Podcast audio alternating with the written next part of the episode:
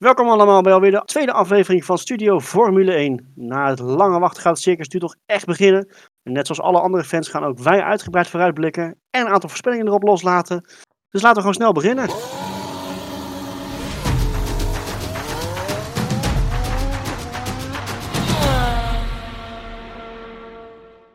Ook vandaag word ik vergezeld door mijn medecasters Chris, Marco en Thomas. Welkom mannen, top dat jullie er ook weer zijn. Ja, een hele stomme vraag waarschijnlijk, maar eh, hebben we er al een beetje zin in? Ja, zeker. Mooi, anders was het een hele korte aflevering. Ik heb er ook onwijs veel zin in. Ik, eh, ik zeg net wel van eh, na het lange wachten, maar we hebben natuurlijk een hele korte winststop gehad. Maar het wordt inmiddels wel weer hoog tijd om echt een beetje te gaan beginnen.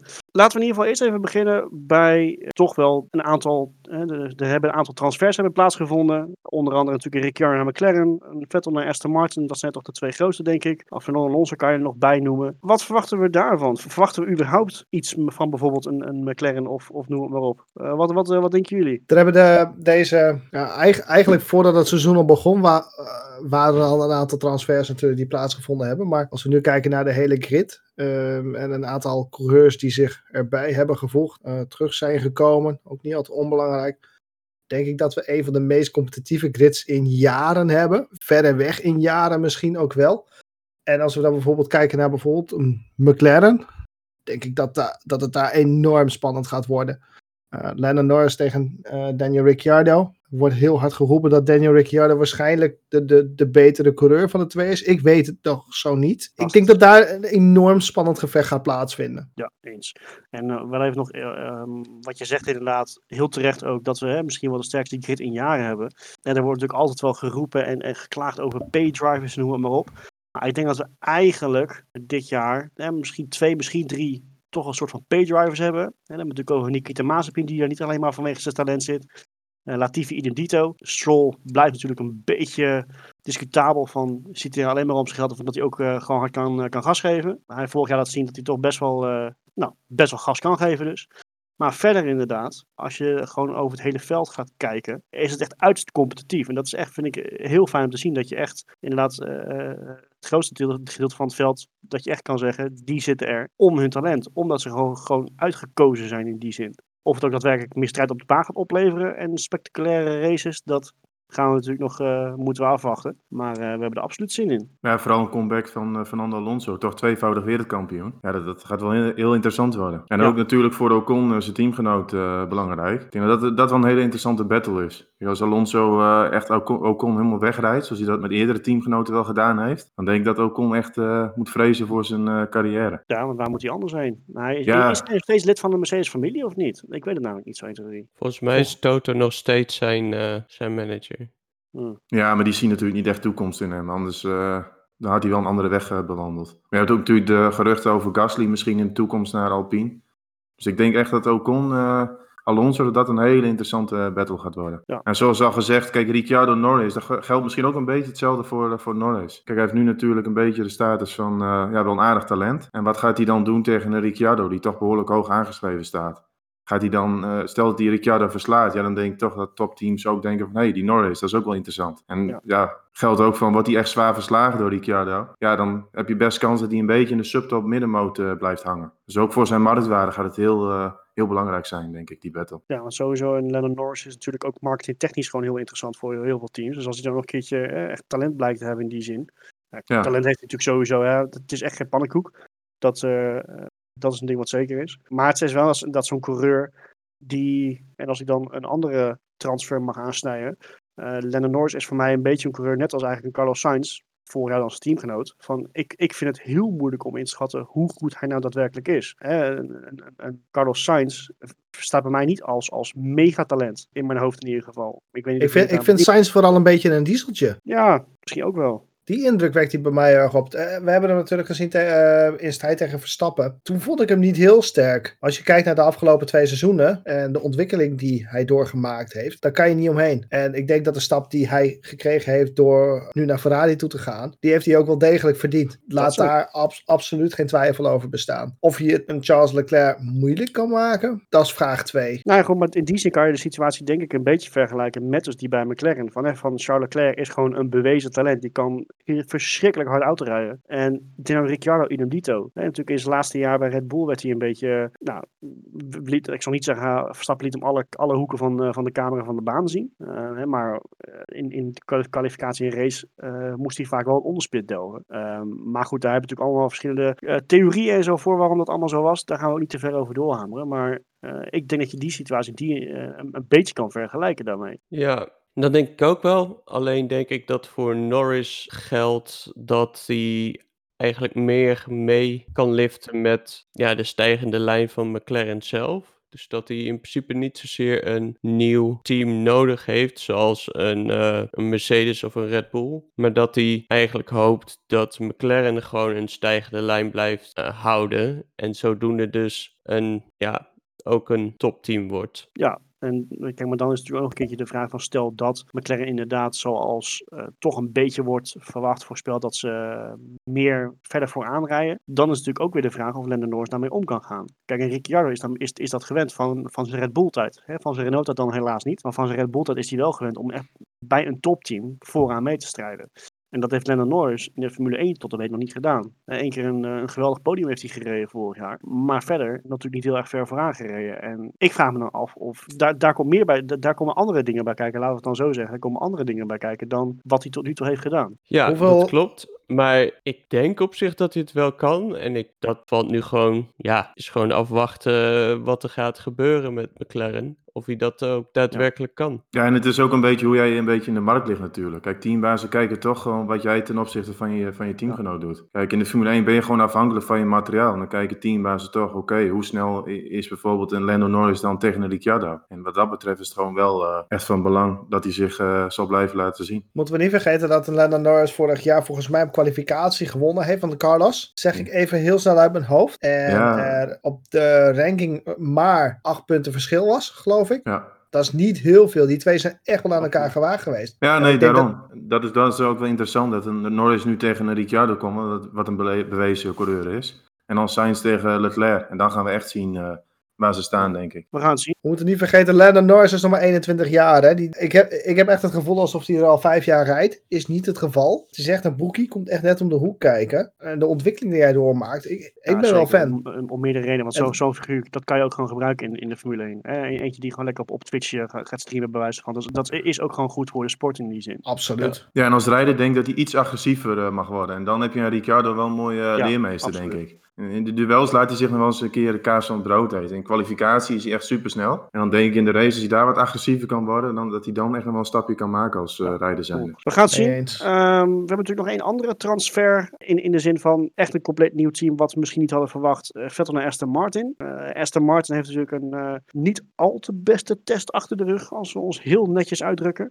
Maar verwachten we daar dan überhaupt ook wat van? Kunnen we er al wat van zeggen? Ja, ik denk dat Aston Martin, het blijft een B-Mercedes, dus echt een slechte auto geloof ik niet dat het, dat het zou zijn. En van Vettel zelf uh, is het misschien wel lekker dat hij tegen een Stroll komt. Kijk, Stroll schat ik, uh, ja, vind ik gewoon een van de vijf zwakste rijders nog steeds van het veld. En dan verwacht ik wel dat een Vettel daar gewoon de overhand heeft. En dan krijgt hij misschien dat stukje vertrouwen weer terug. En misschien dat we dan bij Vlaag alweer de oude Vettel uh, gaan terugzien. In plaats van de Vettel die je bij Ferrari zag. Veel spinnen, veel fouten maken. Ja, en Stroll die mist natuurlijk vooral een stukje uh, ja, consistentie. Hij, hij is met vlagen briljant. Uh, zijn, zijn, zijn kwalificatie in, in Turkije was, was magisch. Uh, ik ben absoluut geen fan van hem man, maar daar had ik echt diep respect voor. Maar dan de dag daarna zakt hij wel weer helemaal weg. En dus dat is dan wel gewoon weer jammer. En dat heb je gewoon vaker gezien. Had schade, hè? Vergeet het ja, niet. Ja, oké. Ja, maar als je het gewoon over de heel bekijkt vorig jaar, dan was Perez gewoon duidelijk de sterkere. Vooral in droge omstandigheden, dan was het echt 9 van de 10 keer dat Perez er wel voor zat. Ik durf wel te zeggen dat als, het gaat, uh, dat als we het even kort over Stroll kunnen hebben, ik denk dat het nog steeds een van de meest briljante regenrijders is op de grid. Ook, ook bewezen in, op Turkije. Ik, ik, ik, wil jullie eens de vraag stellen, kan, kan een Stroll zich bijvoorbeeld nog optrekken aan een, uh, aan een Vettel? Ik denk dat hij daar nog wel een hoop van kan leren, ja. Vettel is natuurlijk meervoudig wereldkampioen en Stroll niet. Dus daar kun je altijd wel wat van leren.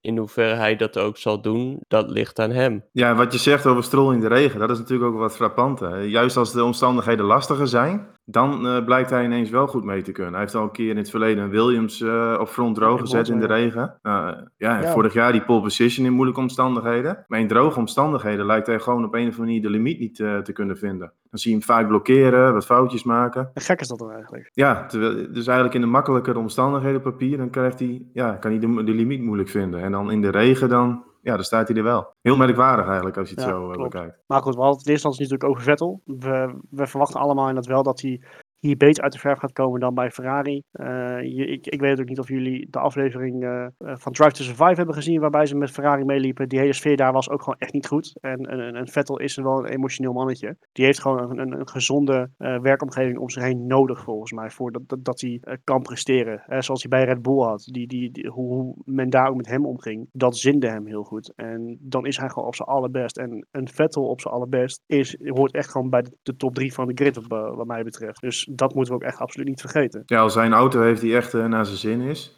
ja, dan, eh, daarom is hij ook vier keer wereldkampioen geworden. Dan is hij Daarom. gewoon ijzersterk. En het is, het is natuurlijk ook mentaal, hè? dat hoor je wel van meer rijders. Als jij dan eh, kwalificatie gereden hebt en je komt terug de box in en je ziet dat een Leclerc met dezelfde auto een halve seconde sneller is, ja, dat doet ook wel wat met je zelfvertrouwen. En daarom denk ik naast een Stroll, ik verwacht gewoon dat Vettel de beter is van de twee. Ja, dat geeft hem wat meer vertrouwen en dat je dan misschien wel weer bij Vlagen de oude Vettel gaat terugzien. Dus dat, dat vind ik wel interessant om ja, te zien of dat inderdaad gebeurt. En dan hebben we natuurlijk nog Sergio Perez naar Red Bull. Dat is ook wel een eh mooie Misschien toch stiekem nog wel de meest interessante transfer van de grid, potentieel. Hoe dicht gaat een Perez komen bij, bij, bij een Verstappen? Ehm, Realistisch ik, weet niet meer van welk account ik het had gelezen, maar ik zag een tweetje voorbij komen van de week. Die had de, voor zover het kan, de longruns, of in ieder geval de soort van race sims van beide Red Bull eh, mannen geanalyseerd. En daarin was Perez sneller dan een Max Verstappen. Ja, maar Max heeft geen run gedaan met twee, eh, twee pitstops. Dat heeft echt alleen eh. Perez gedaan. Nou goed, Klopt.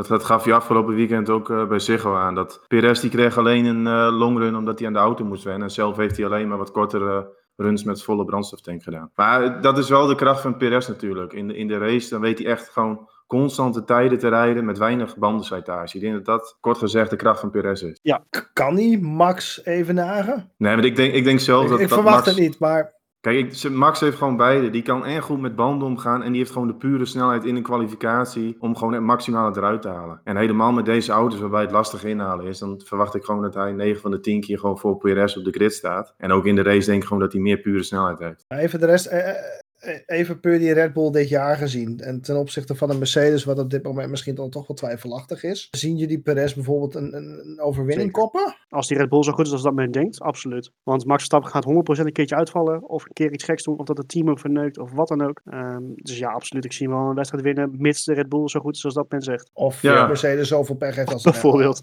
Ja. als dat kan. Ja. Ja, en, en Perez, eh, zoals gezegd, die kan heel goed met zijn banden omgaan. Dus die kun je een keer op een andere strategie zetten. Dat je een keer heel vroeg naar binnen haalt. Kijk, in dat opzicht is hij natuurlijk de perfecte eh, nummer 2 voor eh, Verstappen. ik neem wel aan dat hij gehaald is als nummer 2 Nee. rijden.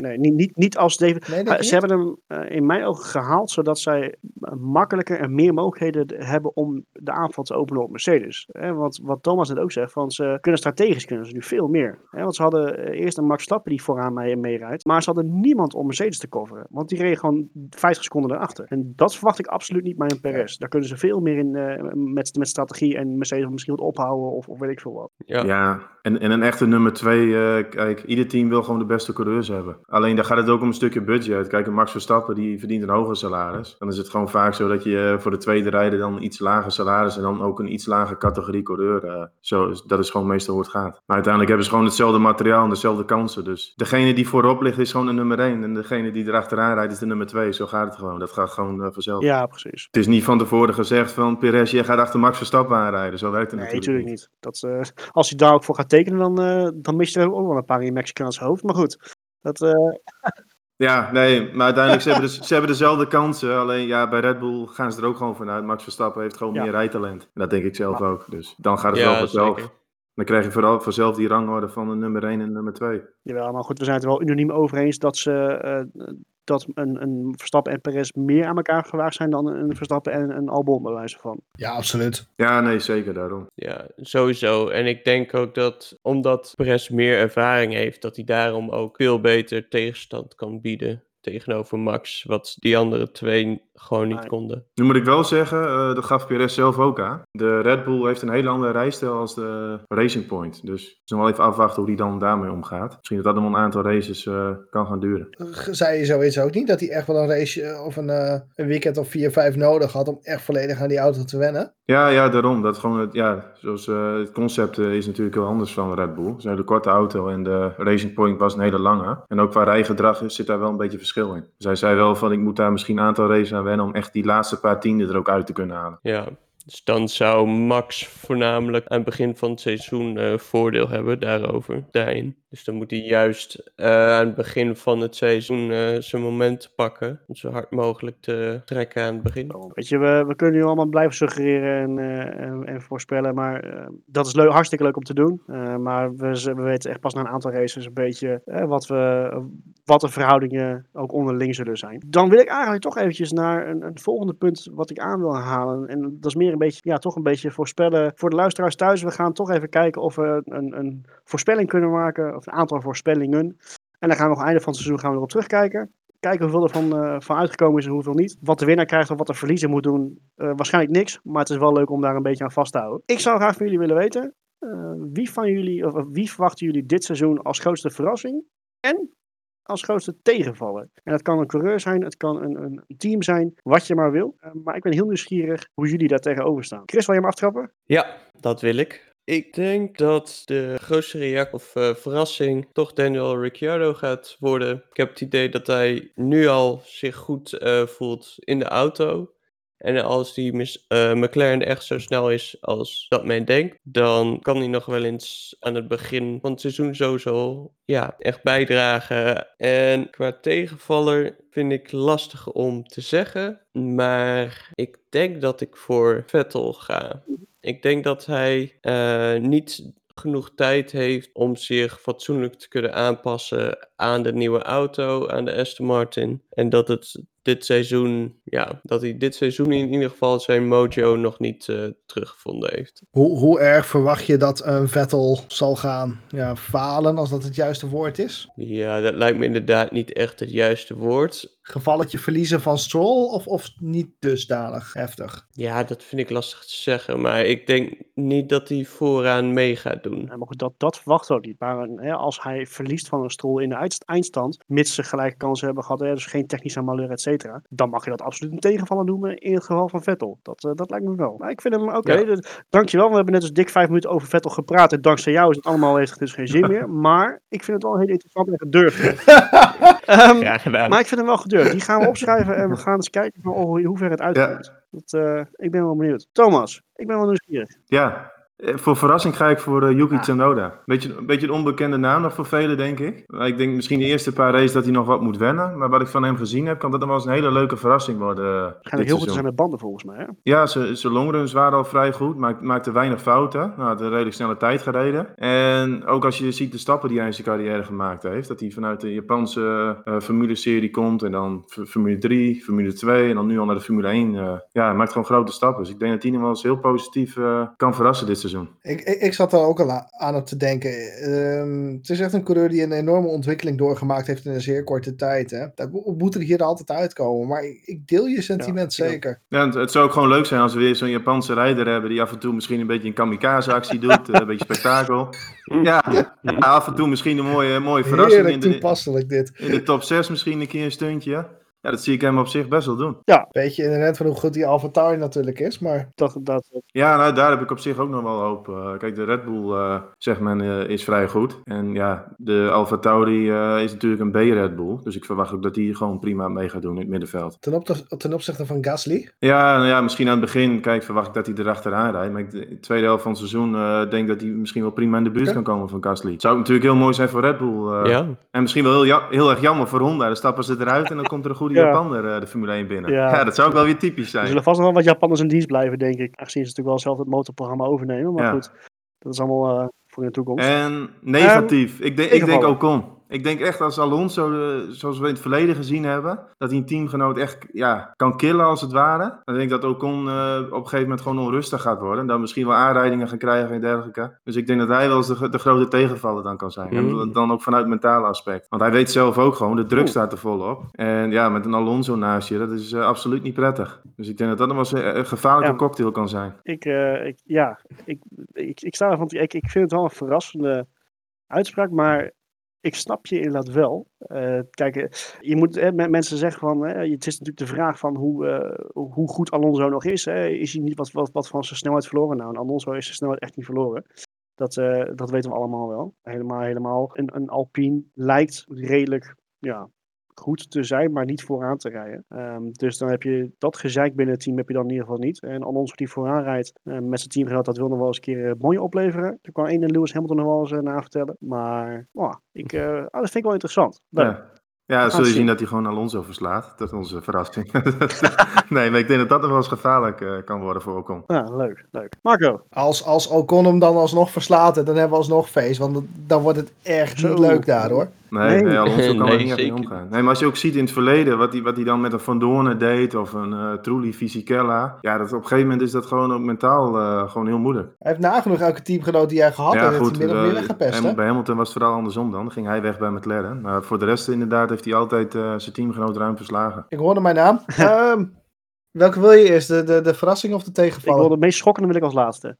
De meest schokkende wil je als laatste. Dan ga ik beginnen met de, de grootste tegenvaller naar mijn idee. Het is een beetje wat ik waarschijnlijk in de vorige aflevering niet genoemd heb. Daar was ik het positiever over. Maar ik, ik begin heel erg te twijfelen aan Alpine. Ehm, als iemand met een Renault hart, sorry jongens, ben ik heel erg bang dat ze de aansluiting eh, misschien wel bijna gaan missen met het middenveld. Die auto, en zeker op dag drie, eh, leek Alpine echt heel erg matig te zijn. En, en de geluiden die er nu over de rond te doen, die zijn ook niet heel erg positief. Los daarvan, hè, we hebben natuurlijk één één fantastische rijder daar rijden, een Alonso. Ik verwacht daarvan wel dat hij echt wel hele schokkende, spannende dingen gaat doen met die auto. Maar dan hebben we het ook echt over eh, een, een, een ja, eens een keer een achtste of een zevende plaats pakken op, in, in een race waarin hij gewoon naar boven komt drijven, zeg maar. Verder, ja, ik vrees met grote vrezen. En dat heeft er ook mee te maken met dat er natuurlijk een Cyril Abiteboul eh weggegaan is. eh, en er een enorme wissel is van personeel daar. Ik denk niet dat het een team ten goede doet. Was Cyril, Op de lange was termijn, Cyril zo'n belangrijke schakel dan daar, denk je? denk ik wel. Oeh. Belangrijker dan Ja. we denken. Voor de luisteraars thuis, als, als het aan Marco lag, voor de luisteraars thuis, als het aan Marco lag, had hij, heeft hij thuis eh, de Franse vlag op zijn muur geschilderd. Ehm, we hebben hier echt de grootste, de grootste Renault-fan die je kan wensen. Dus ik vind het een hele pittige uitspraak voor jou doen al. Ehm, maar ik, eh, ik, ik, ik kan me er wel in vinden trouwens. Inderdaad, wat je zegt, eh, de eerste dag zag het goed uit. Maar daarna was het toch dat je denkt van, nou, We zijn wel heel negatief nu over Alpine. goed, hè? Ik heb Ocon als negatieve verrassing. Marco die zegt nu Alpine als team gaat... eh Oh, dat komt niet goed daar. Ja, Ah, Roy gaat straks Alonso nog noemen, dus dat scheelt. Ja, maar Alpine denk ik ook een beetje zo'n transitie, ja, misschien. Eh, ja, Ja, dat we- denk ik ook heel ja. erg.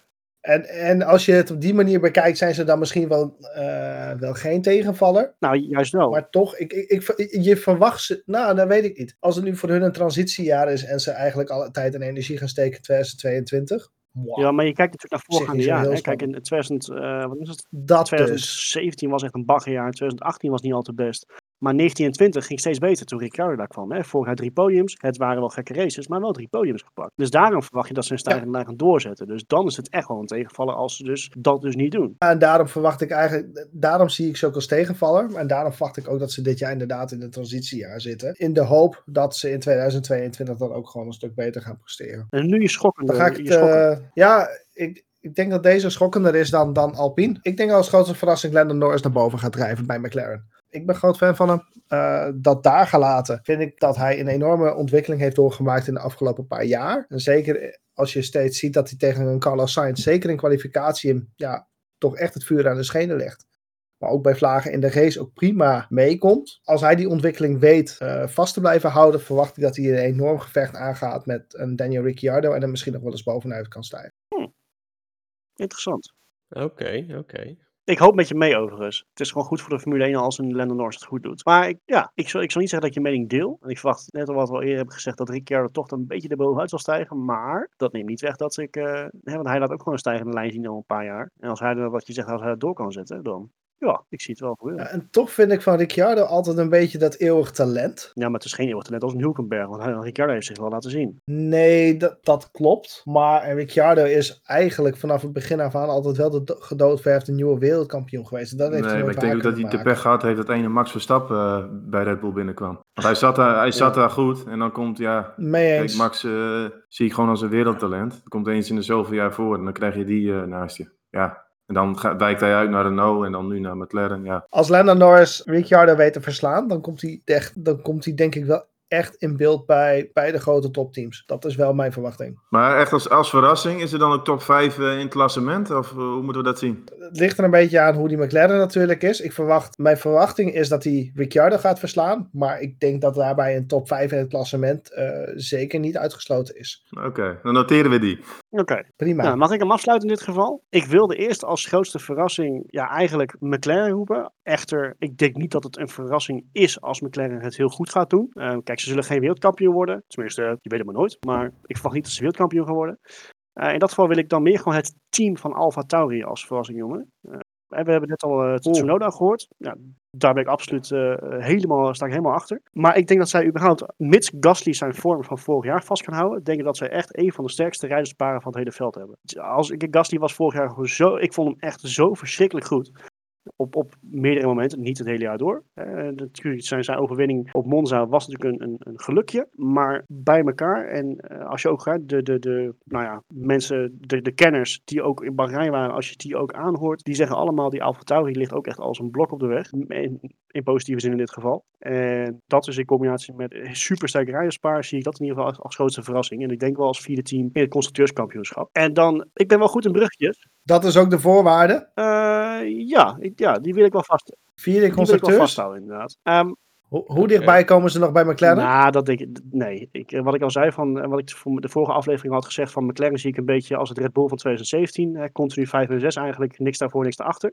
Misschien een beetje aansluiting naar voren kunnen, kunnen pakken. Maar ik denk dat ze het middenveld wel een beetje achter zich zullen laten. Maar inderdaad, een vierde, eh, laten we dan het op zo doen. P4 in het kampioenschap zie ik dan inderdaad uh, daarin wel gebeuren. De, en dan wil ik eigenlijk met een bruggetje daarvoor naar de grootste tegenvaller. Want je zou eigenlijk namelijk zeggen dat Ferrari op P4 zou moeten eindigen minimaal. Maar dat zie ik dus absoluut niet gebeuren. Ik um, denk toch echt dat zij, ze hebben dan wel, wat winst weten te behalen met de motor. Dat kon ook eigenlijk niet anders. Maar ik zie ze nog steeds gewoon niet het gat hebben gedicht. Ja, je hoort ook nog steeds, uh, als je ook de onboard zag in de beelden hebt gezien, die auto die ligt echt niet goed op de weg. Um, ze hebben wel weer wat, wat, wat, wat snelheid gevonden um, in, qua vermogen. Maar verder het chassis is nog steeds niet helemaal top, heb ik het idee. Dus ik verwacht ze hun ja, toch weer uh, redelijk achteraan waar ze eigenlijk niet thuis horen. Maar welke positie dan? Bij de constructeurs? Echt uh, laatste vier, laatste vijf? Ik uh, zie ze dat wel. Even kijken. Heb je, uh, nou, ik denk CS, ja, zesde of zevende het kampioenschap zie ik, zo, zie ik zo eindigen, ja. Oeh, dat is wel heel negatief, ja. ja. dat, dat zou ja, echt slecht zijn. Ja. ja, misschien gaat het wel een beetje hetzelfde als wat we over Alpine zeiden. Zo'n transitiejaar, wat Ja. op, korte, op korte termijn wel heel vervelend kan uitpakken dan. Ja, dat is wel een beetje het idee wat, wat bij mij in mijn hoofd zit en wat ik uh, tot nu toe allemaal een beetje heb gezien. Dus ik, ik hoop niet dat het uitkomt, want uh, het is gewoon uh, in de Formule 1 hoort Ferrari gewoon mee te doen. Maar dan wel mee te doen vooraan en niet uh, halve, of halverwege of achter in het middenveld. Maar goed, we gaan het zien. Maar die, die durf ik ook wel, wel aan. Die gaan we in ieder geval allemaal opschrijven. We gaan er eind van het jaar gaan we op terugkomen. En dan kijken of iemand zich maar kapot mag schamen of dat hij een medaille verdient. um, maar we gaan het zien. Um, die medaille, die houden we erin ja, hoor. Die, uh, ik, ik, ik, ik, wil hem uh, met alle plezier wil ik hem dragen, als ik hem bak. Prima. Goed. Um, Snel even op zolder kijken naar een... Uh... Zo'n zo beker van de, van de F'jes van vroeger in het voetbal of zo. ja, ja, zoiets. Of een uh, avondvierdaagse medaille. ja, precies. Uh, voor je aanwezigheid. Goed.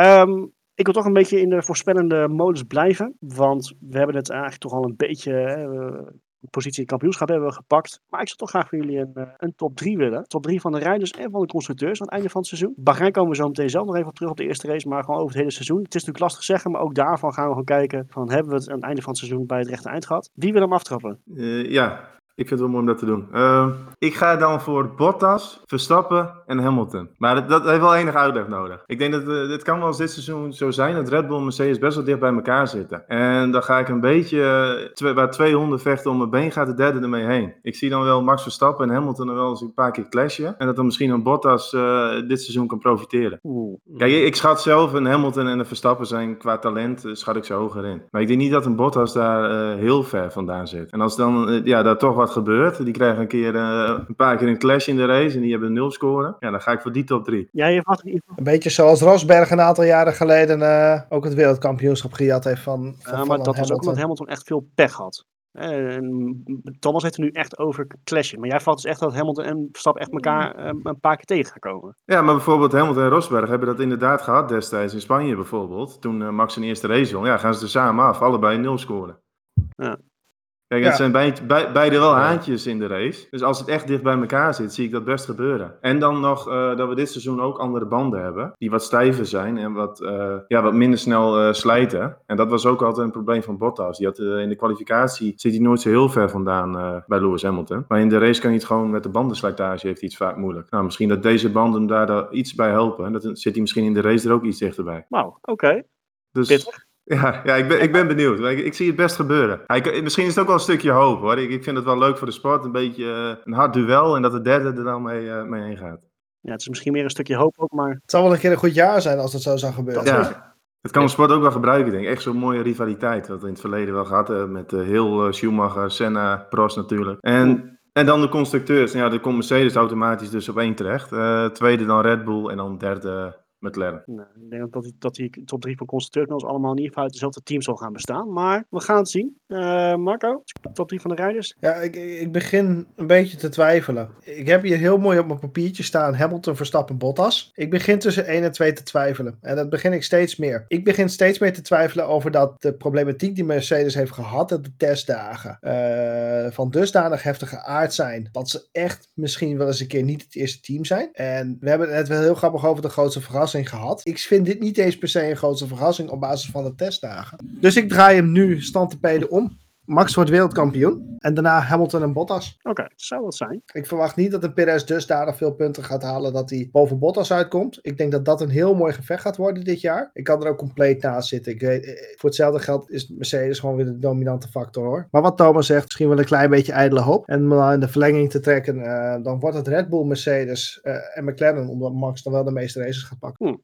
Oké, oké. Ik ben benieuwd. Ik, um, ik wil niet elke keer als laatste, dus ik ga nu uh, even als derde. Chris, jij mag me zo meteen afsluiten. Um, okay. Ik ben heel erg blij dat jij hebt gezegd Max Verstappen wereldkampioen. Want dat wilde ik namelijk ook zeggen. Alleen ik jinx altijd alles. Voor de luisteraars thuis. Wij hebben wel eens, uh, als we een wedstrijd zitten te kijken, dat we eens een keer een weddenschapje doen of zo. Uh, online. Bij de verschillende wetkantoren. En alles waar ik op inzet, gebeurt altijd compleet het tegenovergestelde.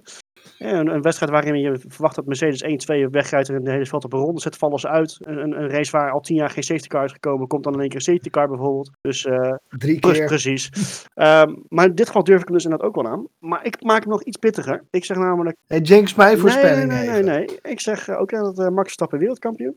Ik zeg Lewis Hamilton tweede en toch Perez derde. Om, mede omdat die Red Bull gewoon, ik verwacht daar heel veel van. Ja, en ik, sorry Thomas, maar ik verwacht echt niet dat Bottas in één keer zich vooraan gaat melden. Tenzij natuurlijk inderdaad wat jij zegt, dat ze echt uh, regelmatig gaan clashen. Maar uh, ik, uh, sowieso durf ik, hem, durf ik hem wel aan. Dus die, ik ben benieuwd. Ik hoop dat het uitkomt. We kijken niet heel erg met een oranje bril natuurlijk. Niet zoals het, het oranje sportkanaal in Nederland. Maar het zou wel en ook goed voor de sport zijn. En ook gewoon voor het Formule 1 in Nederland. Als hij inderdaad nou, in ieder geval kan mengen in de strijd om het kampioenschap. En ja, dan haal je bij de teams automatisch dus natuurlijk Red Bull, Mercedes en dan McLaren toch ook wel hou je nog achter. Ik vind het wel interessant dat we toch allemaal tot nu toe allemaal hebben gezegd uh, McLaren op drie. Daar zijn we toch wel redelijk over eens. En ik, uh, ik zie het ook wel gebeuren. Tenzij Chris daar natuurlijk anders over te zeggen heeft. Want dan zou het ook weer net zien dat we het niet allemaal met elkaar eens zijn. Chris de Verlosser. Ja. Ja. Zit je een beetje met ons op één nou, lijn of heb je heel wat anders? Ik zit wel een beetje bij jullie, met jullie op één lijn. Oh jee. Ja, want het, ja, wat het is, ondanks dat uh, Mercedes niet zo best was in de testen, ja, het is toch Mercedes die uh, ja, zichzelf ongetwijfeld weet te herpakken en gewoon weer een goed seizoen uh, gaat neerzetten. Dus qua coureurs heb ik uh, Hamilton gewoon op één staan. Wordt gewoon wederom kampioen. eh, met Max op 2. En ik hoop eigenlijk, eh, ik zet Perez op 3. Omdat ik hoop dat Perez heel goed met, met Bottas ja, in conflict gaat op de baan. Dat lijkt me wel mooi om te zien. Hmm. Oké, oké. Ik vind eh, Ja. ik ben, waar ik vooral heel erg blij om ben, is dat we geen van vieren de standaard uitslag van vorig jaar hebben gepakt van eh, de, de, de oldschool uh, hembot verre uitslag. Alleen maar een goed teken natuurlijk, maar ik, eh, ik vind het wel interessant. Ja. Maar toch, Ja, je moet het ook wel interessant maken voor jezelf. Ja, Hè? Anders wordt het eh, ook zo saai.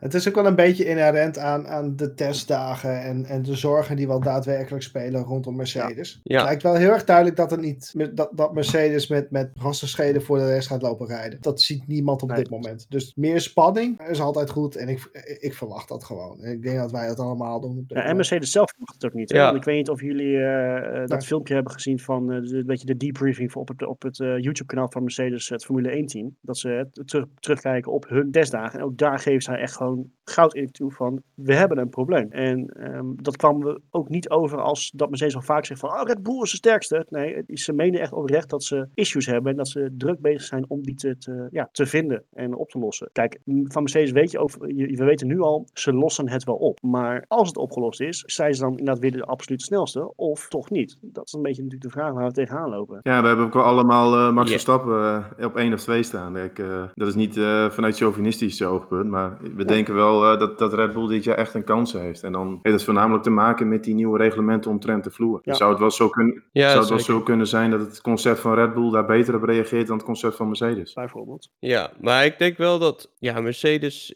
is zeg maar een beetje die persoon op de middelbare school die zegt van dat hij echt niet geleerd heeft en het onwijs gaat verknallen, maar dan toch met een 9 naar huis toe gaat. Zo eentje aan wie iedereen een hekel had. Dus ja, dat klopt in dat geval wel. Ja, Ja, dus dat gaat ook sowieso wel weer gebeuren. En ik denk qua constructeurs zie ik ook eh, Mercedes wel weer gewoon op 1 terechtkomen. Red Bull op 2. En misschien om het interessant te maken, eh Alfa Tauri op 3. Oeh, oké. nou, dat zou wel stunt zijn. Jij durft. Nou, dan, is, dan is Roy blij, want die had ze als verrassing. eh, dit- Ja, maar heb ik geen medaille van, want ik zei vierde, hè? ja, dat klopt. Ja, ja, dat, ja, maar dat, Ja, dan is de tel niet verrassing nog groter. Ja, precies. Nou, oké. Maar wat Chris zei over Mercedes, ja, je, je ziet ook wel weer aan data, dan staan ze onderaan de topsnelheidslijsten. dan, ja, dan zie je ook wel weer dat ze, ze hebben nog wel wat extra's over. Alleen, ja, bij Red Bull zullen ze dat vast ook hebben. Dus dan is het gewoon de vraag, wie, heeft nog, wie kan er net eh, wat meer vinden nog? Ja, precies. Nou, weet je, dat blijft natuurlijk ook in dat geval koffiedik kijken. Ehm, we moeten nog maar een weekje te wachten en dan mogen we eindelijk los. Sterker nog, eh, het is nu zondagavond 9 uur. Over precies een week dan zit hij er al net op, denk ik. Of jij zijn we nog bezig? Nou, maakt ook niet uit. We hebben in ieder geval eh, onwijs veel zin in. Voor de laatste keer, voor deze aflevering, ga ik toch nog eventjes blijven even in de voorspellingsmodus. Maar ik wil eventjes een hele gekke. Eén of twee echt gekke voorspellingen, wat misschien echt helemaal nergens op slaat. Of misschien juist wel. Maar eentje die eh, wat niet heeft te maken met hè, Hamilton gaat wereldkampioen worden. Nee, gewoon echt even een hele gekke. Ik heb, eh, ik heb er goed over nagedacht. Ik wil hem eventueel wel aftrappen, mij betreft. De eerste die ik heb is misschien niet heel gek, maar ik zie McLaren. Ik, ik denk dat McLaren een race gaat winnen dit, dit seizoen. Ik denk wel dat er een gekke race voor nodig is. Dat ze op pure snelheid het niet gaan winnen. Maar bij een gekke wedstrijd dat inderdaad hè, een Verstappen en Hamilton elkaar eraf tetsen. Of eh, een rode vlag ergens, zo weet ik veel. Zie ik ze wel een wedstrijd winnen. Dus eh, dat zie ik wel gebeuren. En de tweede, en die vind ik oprecht heel erg Ik vind hem niet gek genoeg. Nee, oké. Nou, deze die nu gaat komen wel. Die heb ik lang over nagedacht. Nikita Mazepin, die gaat in 2021 een race schorsing krijgen. Ja, dat zal heftig zijn, ja. Die vind ik ook niet. ja, oké. Maar, Maar- waarom? Het gedrag buiten de baan of op de baan? Wat, eh, Eh, beide. Dat is Ja, wel een goeie. Maar in principe, hij, heeft in principe maar 12 strafpunten nodig. We hebben wat is het, 23 wedstrijden, mits dat allemaal doorgaat. ja. Je hoeft maar een half puntje per wedstrijd aan strafpunten op te, op te, te pakken en eh, je bent het bokje. Dus eh, ik, ik, ja, ik, ik zie dat wel gebeuren. En dan eh, hoop ik dat eh, Netflix met uh, Gunther Steiner meeloopt in die aflevering. Want dan kijk ik onwijs naar uit. Ja, dat, ja, dat wordt wel goud. dat, dat, is, dat is wel een gekke voorspelling. Ja. Dat is ook wel leuk om eh, eens te kijken aan het eind van het jaar. Ik, eh, ik ben benieuwd. Of hij überhaupt in de buurt komt van het aantal strafpunten en eh, of hij Ja. hem echt pakt, die schorsing. Ah, het moet natuurlijk wel bij gezegd worden, het hangt ook af van eh, de performance van Haas. hè, Want wij verwachten volgens mij alle vier dat zij ja, echt gewoon de rode lantaarn. maar ook als achterblijver of wat dan ook, kan je natuurlijk gekke dingen doen. En maar op het moment dat je een beetje meestrijdt, dan heb je, is die kans denk ik nog net iets groter. Tenzij hij gewoon scheid heeft aan blauwe vlaggen of weet, weet jij veel.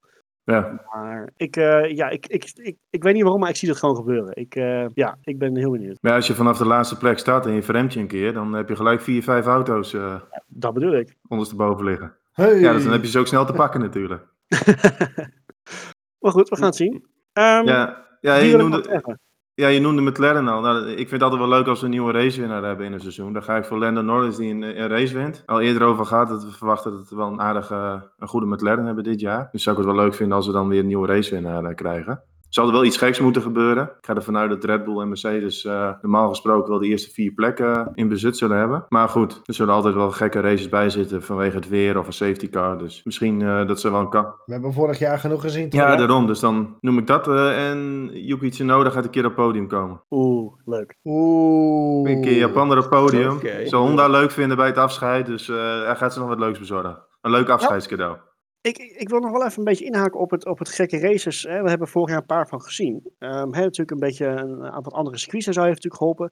Maar wat ook helpt, denk ik, is Michael Masi. Die Michael Masi zwaait veel makkelijker een rode vlag. Die gooit veel makkelijker, of meer veel makkelijker, ja, een, safety car eruit. Of hè, bij, bij een regenrace dat je eh, toch ze wat sneller laat gaan dan dat het onder leiding van Charlie Whiting gaat. Dat helpt natuurlijk ook in mijn ogen wel mee in een beetje gekke race. Ja, creëer ik. Hij, hij zal het natuurlijk niet bewust doen, hoop ik. Maar ik denk dat dat wel meehelpt. Nou, die keuze maken blijft altijd een subjectief iets. Hè? Dus, dus in die zin denk ik dat je daar wel degelijk een punt hebt. Eh, we zagen in de tijd van Charlie Whiting dat ze bewijzen van op het moment als dat de baan droog was, we pas een keer konden vertrekken. Eh, dat zien we onder Michael Masi, zien we dat eh, ze bijna te vroeg vertrekken. Ik ben daar persoonlijk een fan van. Al denk ik dat de veiligheidsmarshals daar iets minder een fan van zijn. Snap ik ook wel weer. Maar ik ben het wel met je Ja. eens. Eh, er gebeurt wat meer in, in die zin. Er mag wat meer ook. Ja, maar ook weer wat Ja. minder af en toe. Ja, het verschilt heel erg inderdaad. er valt wat minder een pijl op te trekken. En ik denk dat dat voor de coureurs minder leuk is. En voor de kijkers stiekem Ja, leuker. wel. Ligt aan hoe je ernaar kijkt. Maar goed, ik dwaal een beetje af. Sorry daarvoor. Maar ik, eh, ik, ik wil er toch even op inhaken. Dat, eh, we, ik, ik, ik zie een, een kans op een gekke race groter dan een jaar of drie geleden. En dat is meer een beetje. Dus eh, vandaar. Ja, zeker. Goed. Helemaal mee eens. Nou, Chris. Doe eens gek. Heel gek. Ik denk eigenlijk dat eh Perez en Max in de tweede helft van het seizoen eh, een keer met elkaar eh, in aanraking komen. Een beetje alle, ja, zoals dat toen gebeurde met Ricciardo. Ik zie dat nog wel gebeuren. Op de baan of buiten de baan? Op de baan ja, of naast de baan. dat ja. Nee, ik denk dat dit eh, strikt op de baan gebeurt. Zie je, Perez is niet zo'n Rouwdouwer. figuur. Ja, dat is, daar is hij te volwassen voor. Maar ik zie dat toch wel echt eh, ja, dicht bij elkaar komen. En eigenlijk is dat de enige die ik nu heb. Dus daarom laat ik nu het woord aan iemand anders. Misschien dat ik zo meteen nog even een uit, eh, uit de duim zuig. Oké. Nou, we hebben, we hebben alleen eh Marco nog over volgens mij. Ja, ik, ik, ik heb een hele knot. Ik heb echt een knotsgek op papier staan. Hulkenberg hij dit jaar nog een race. De meer ik erover nadenk, de, meer, de minder ik erin eh, begin te geloven, Nou, helaas. het ligt eraan. Kijk, al- als, als die geruchten kloppen dat hij bij en Aston Martin en Mercedes testrijder zal worden. Ehm, hè, we hebben natuurlijk, ja, Ja. Stroll en Hamilton hebben al COVID gehad. Dus eh, die kunnen in principe niet meer uitvallen.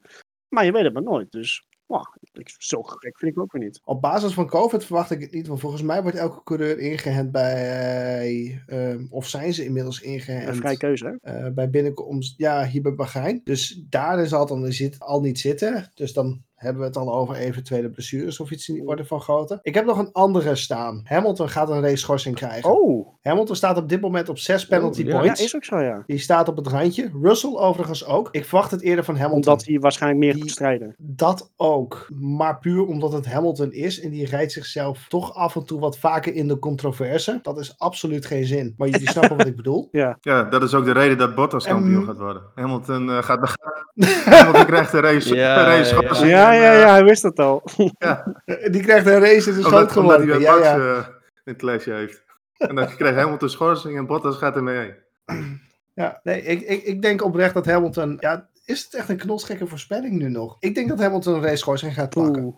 Ik vind, hem- ik vind hem ook wel Het, sterk. het seizoen is super lang. 23 races. Dat hij vorig seizoen al zes penalty points gepakt heeft, geloof ik. Maar die zijn er overgebleven van. Ja, maar Ja, het is er nog meer. er vervallen ook wel een aantal weer, toch? Eh, Twaalf maanden? Nee, Hij, hij, hij start dit ja, seizoen maar met zes. na twaalf maanden vervallen ze, toch? Dus dan aan het eind van het seizoen heeft hij weer een ander saldo. Ja, dat klopt. Maar wat Marco zegt inderdaad, van in Bahrein. Hij moet dit jaar wel met dit Ja. saldo doen. Ja, maar goed, Ja, er vallen, op een gegeven moment vallen er een paar wel weer weg. Maar in Bahrein Ja. start hij met zes punten. Ja, dat, dat, is klopt. wel veel. maar ik weet niet precies wanneer hij ze dan gehaald heeft. Stel dat in eh, mei, eh, dat hij daar drie heeft staan. Ja, dan in mei gaan er alweer min, eh, weer drie af natuurlijk. Ja, natuurlijk.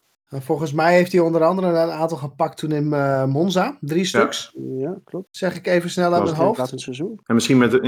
En volgens mij in het begin van het seizoen met Albon heeft hij een Oh, paar Oostenrijk. gepakt. En volgens mij iets later ook nog één of twee. Had ook, Zeg ik even hij snel had ook nog die illegale proefstart in eh, Rusland. Ja, Volgens mij was dat ook nog drie punten waard. Maar goed, het is wel een leuke voorspelling. En we gaan eens kijken eh, hoe dat uitpakt. We gaan ze in ieder geval allemaal eh, opschrijven. En eh, natuurlijk in, in de loop van het seizoen gaan we er wel een beetje op terugkomen. En alvast feestvieren als iemand het goed heeft. Eh, het zou wat zijn als...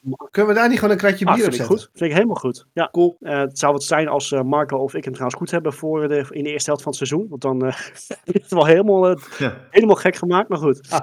Ja, die van Hulkenberg is op zich ook nog wel gekker natuurlijk. Want eh, ik denk niet dat hij snel van een ander team zal gaan rijden. Nee. Dus, dus dan is het alleen... De Dat grootste zijn maar vier zitjes. Maar ja, goed, als eh, Hamilton die schorsing krijgt, Ja. dan kan Hulkenberg er gelijk al in. Dan heeft Mark- Ja, denk je niet dat ze Ja. dan een Russell in laten Dat denk stappen? ik ook. ja, na vorig jaar is die kans wel Ja. groot, ja. Maar, ja, maar, maar wat, wat als bijvoorbeeld een Vettel een, eh, geblesseerd raakt bij, bij, bij een freak accident of wat dan Ja, ook? nee.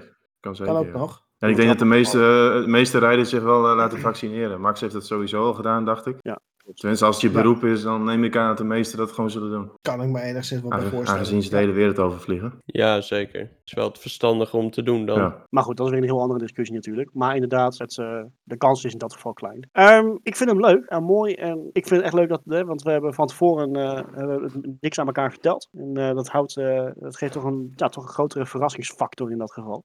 Dus ik vind hem leuk. Ik ben heel benieuwd of het eh, allemaal een klein beetje uit gaat komen. Zo ja, dan, eh, nou, dan heb ik helemaal onwijs veel zin in het, in het seizoen. Toch even heel kort naar volgende week kijken. Bahrein, we hebben de testdagen hebben we gehad. Ik, vind- ik ben zelf best wel fan van het eigenlijk. Het is natuurlijk een, een gigantisch sfeerloos circuit. Maar wel leuk om op te rijden, ook op de sim bijvoorbeeld. En in donker ziet het er gewoon gaaf uit. Dat absoluut. Verwachten we daar al een beetje spanning? Of is het toch al een beetje nog eh, een beetje de kat uit de boom kijken, denken we? Ah, eh, wat, wat ik wel bijzonder vind is, normaal gesproken hebben we altijd Australië als eerste, eh, als eerste circuit. En Australië wordt altijd heel erg, of Melbourne moet ik zeggen, wordt altijd als ja, vrij spanningsloos genoemd. Om, los van het feit dat je daar als eerste gaat zien waar de teams daadwerkelijk staan. Ik denk dat Bahrein daar iets meer in heeft. Ook al vind ik Melbourne echt een fantastisch circuit overigens Eens. hoor. Ik denk dat in Bahrein meer kan gebeuren dan in een Melbourne. Ja. Dat we misschien zelfs na één race nog niet per se zien waar iedereen staat. Nee, maar goed, bij, bij Bahrein, is- in, in mijn ogen kan je bij Bahrein een beter oordeel vellen over de, eh, de volgorde zeg maar, dan in Melbourne. Want een straatcircuit is toch altijd lastig. Nu is natuurlijk Melbourne geen Monaco, hè, dat, dat ook weer niet. Maar het is toch, een, daar, vind ik daar lastiger om de krachtsverhoudingen te bekijken dan hè, in, in, in- op een Bahrein. Maar Ja, als je het zo stelt, kan, eh, ja, snap ik je. Maar goed, we, ik, we hebben in ieder geval wel onwijs veel zin in. Ik, ver- ik, ik verwacht dat we echt wel een beetje, nou, dat het wel een beetje dicht bij elkaar zit. Ik ga toch, eh, ja, een kleine top 3. ik, ik wil toch een, een to- top 3 ook van jullie. Ja, het spijt me, maar ik zeg eh, Verstappen gaat winnen. Dan eh, gooi ik, nou inderdaad, vooruit dan Thomas, Bottas op 2 en Hamilton op 3. Die zie ik dan wel gebeuren. Hmm. Heeft iemand anders er al een idee over? Verstappen, Perez, Bottas. Oeh, die is ook wel, oké. Ja, ik, ik gooi Ja, dus, ik ga ook voor Verstappen, dus eh, we gaan allemaal voor het Wilhelmus zondag. En dan ga, ga ik voor eh, Hamilton en dan zet ik Perez nog op drie. En eh, even terug te komen over het- circuit van Bahrein. Het is wel zo, eh, het is inderdaad iets representatiever dan eh, wat we in Melbourne altijd zagen. Maar nu heeft, heeft Bahrein heeft ook wel weer specifieke eh, kenmerken. Heel, heel ruw asfalt. Wa- En, het, eh, en de achterkant is gewoon heel belangrijk. Ja. En ook dat ruwe asfalt zorgt er ook voor dat je gewoon wat sneller onbalans krijgt eh, bij de achterkant. Dus ook over Mercedes hebben we een beetje gespeculeerd. Dat zou kunnen dat het ook een beetje aan het circuit ligt. Dat ze wat extra problemen hebben. En we krijgen dan hierna krijgen we Imola en Portimao. Ik denk echt na drie races dat we echt goed al kunnen zien van... Dit zijn de teams die echt de dienst gaan uitmaken. En welke teams hebben echt een probleem dit seizoen. Dan heb je echt drie eh, verschillende typen circuits ge- gehad. Pro. Ja. ja, dat is wel interessant te kijken inderdaad. Ik ga voor een top 3 met Max, Ricciardo en Gasly. Oh, Wow! We hebben de gekke voorspelling hebben al gehad, eh, vriend. Ja. en waar blijven de Mercedes en Perez? Wat gaat er gebeuren? Ik denk dat... Ah, boem. nou, dat, dat, dat denk ik niet. Ik denk dat Perez nog niet op snelheid is en dat de Mercedes te veel onbalans blijft hebben onder, eh, onder het remmen. En dat ze ja, gewoon niet in de top meedoen. Toen is gek. Waarschijnlijk zit ik er echt vuile kant naast. Dat zou me absoluut niet verbazen.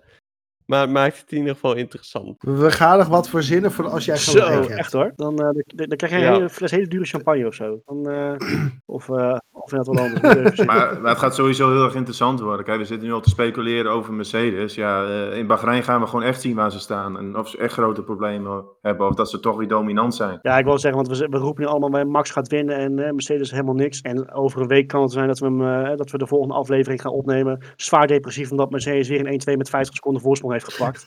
Ja. Dus, je, je weet het maar nooit. Nee, kijk, eh, Dat, Ja. dat is ook wel weer het leuke van deze Ja, sport, absoluut. toch? kijk, ze zijn natuurlijk wel, Ja, vooral Ze zijn er wel meesters in om natuurlijk een ander een beetje de favoriete toe, rol eh, toe te schuiven. Ik kan me twee jaar geleden herinneren dat ze zeiden van ja, Ferrari eh, heeft echt veruit de beste auto. En toen in Melbourne stonden ze ineens toch weer 1 en 2 dus. Maar dat wij denk ik allemaal Verstappen als winnaar zien, dat heeft wel gewoon met, met afgelopen weekend te maken. Met, voor- met, eh, met de wintertesten. Ja. Dat je gewoon... eh, eh, ja, en als absoluut. je ook ziet dat Verstappen zelf zegt van, eh, dat de winter heel goed is verlopen en tussen neus en lippen door eh, dat Honda echt een grote stap heeft gezet. Men, men spreekt over een, eh, of dat ze in ieder geval op het niveau zitten van Mercedes vorig jaar. Ja, dan is het gewoon even afwachten wat Mercedes zelf nog eh, allemaal in petto heeft. En, en wat, wat wel her en der lezen is misschien dat het concept van Red Bull met die eh high rake, dat dat misschien beter uit, eh, uit de verf komt met de nieuwe reglementen. Wat wel grappig is, is dat men normaal gesproken ook zegt van de, van de testdagen kan je eigenlijk helemaal niets afleiden. En toch doen we dat nu. Is dat dan, denken jullie, omdat de testdagen dan nu meer hebben laten zien dan voorheen?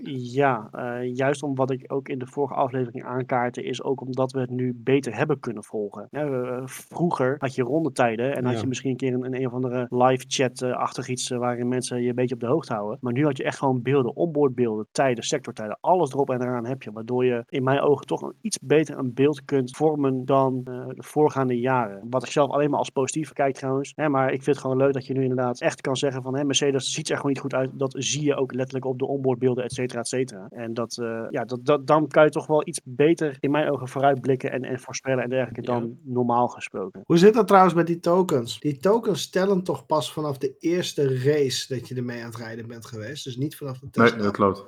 Dus, eh, Ja, Eh, Valt het daar nog enige vorm van spanning of, of, of speciale zooi in te Nee, vinden? weet je, Ik bedoel Nou, dat, dat een Mercedes dan toch met een oud concept binnenkomt. Of een concept dat ze totaal nog niet hebben laten Ja, het zien. punt is bij Ferrari en Red Bull eh, en Alpine, dus dan zie je heel duidelijk waar die tokens aan gespendeerd zijn. En bij Mercedes is het een beetje gissen. is niet echt duidelijk waar ze nou die tokens dan voor gebruikt Mhm. hebben. Dus ja, wat je zegt, eh, misschien hebben ze nog iets wat ze nog niet willen laten zien. Dat ze misschien ook met een andere diffuser komen. Of ja, maar ja, dat, goed, dat gaan we vrijdag dan voor het eerst zien. ja. Dat het zou kunnen. Het is natuurlijk dit jaar zo dat je twee grote veranderingen mag doen. En bij veel teams, zo- zoals gezegd, dan, dan zie je dat wel duidelijk, hoe of wat. Maar bij Mercedes is eigenlijk het team eh, waar het niet heel erg goed zichtbaar is, wat ze nou gedaan hebben. Ja. En het blijft blijven gewoon testen. Kijk, wij, ook al zie je ze rijden, wij weten nog steeds niet hoeveel brandstof ze hebben, wat, eh, wat ze qua motorsetting hebben gedaan. Want als we bijvoorbeeld zien dat een Williams 8 km per uur meer topsnelheid heeft dan Mercedes, dan kun je er ook wel van uitgaan dat de Mercedes misschien met een andere engine motor aan het rondrijden was. Want het is, het is natuurlijk dezelfde motor, alleen we mogen er ook nog wel van uitgaan dat de Mercedes gewoon efficiënter is qua aerodynamica op het rechte stuk. Dus als je dan een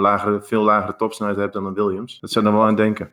En dat zijn dan wel weer van die dingen waar we natuurlijk niks over weten. En dat is natuurlijk echt van die inside informatie die eh, alleen de teams zelf weten. Eh, Ja. Maar goed, dat, eh, weet je, dat, dat zijn zaken die gaan we gewoon volgende week zien. Ik heb er echt verschrikkelijk veel zin in. Dat we Yes. eindelijk weer los mogen. En eh, hopelijk kunnen wij bij de volgende aflevering volgende week dat we met veel enthousiasme weer gaan opnemen. Omdat we een fantastische wedstrijd hebben gezien. We hebben in ieder geval wat mij betreft er genoeg over verteld. Het is eh, nu aan, aan de heer op de baan om te laten zien of het allemaal een beetje uitkomt. Of we echt zo'n fantastisch seizoen eh, tegemoet gaan of niet. Wat mij betreft is het dan in dit geval het einde van deze aflevering. Ik spreek jullie graag volgende week weer bij eh, nou, het nabespreken van de eerste van het jaar. De eerste echte krachtmeting van het jaar. En dan eh, gaan we kijken wat, wat, het, eh, het gaat worden. Mannen, dank jullie wel. Ik heb ervan genoten. Ik hoop jullie ook. Luisteraars, bedankt voor het luisteren. En we spreken jullie hopelijk volgende week.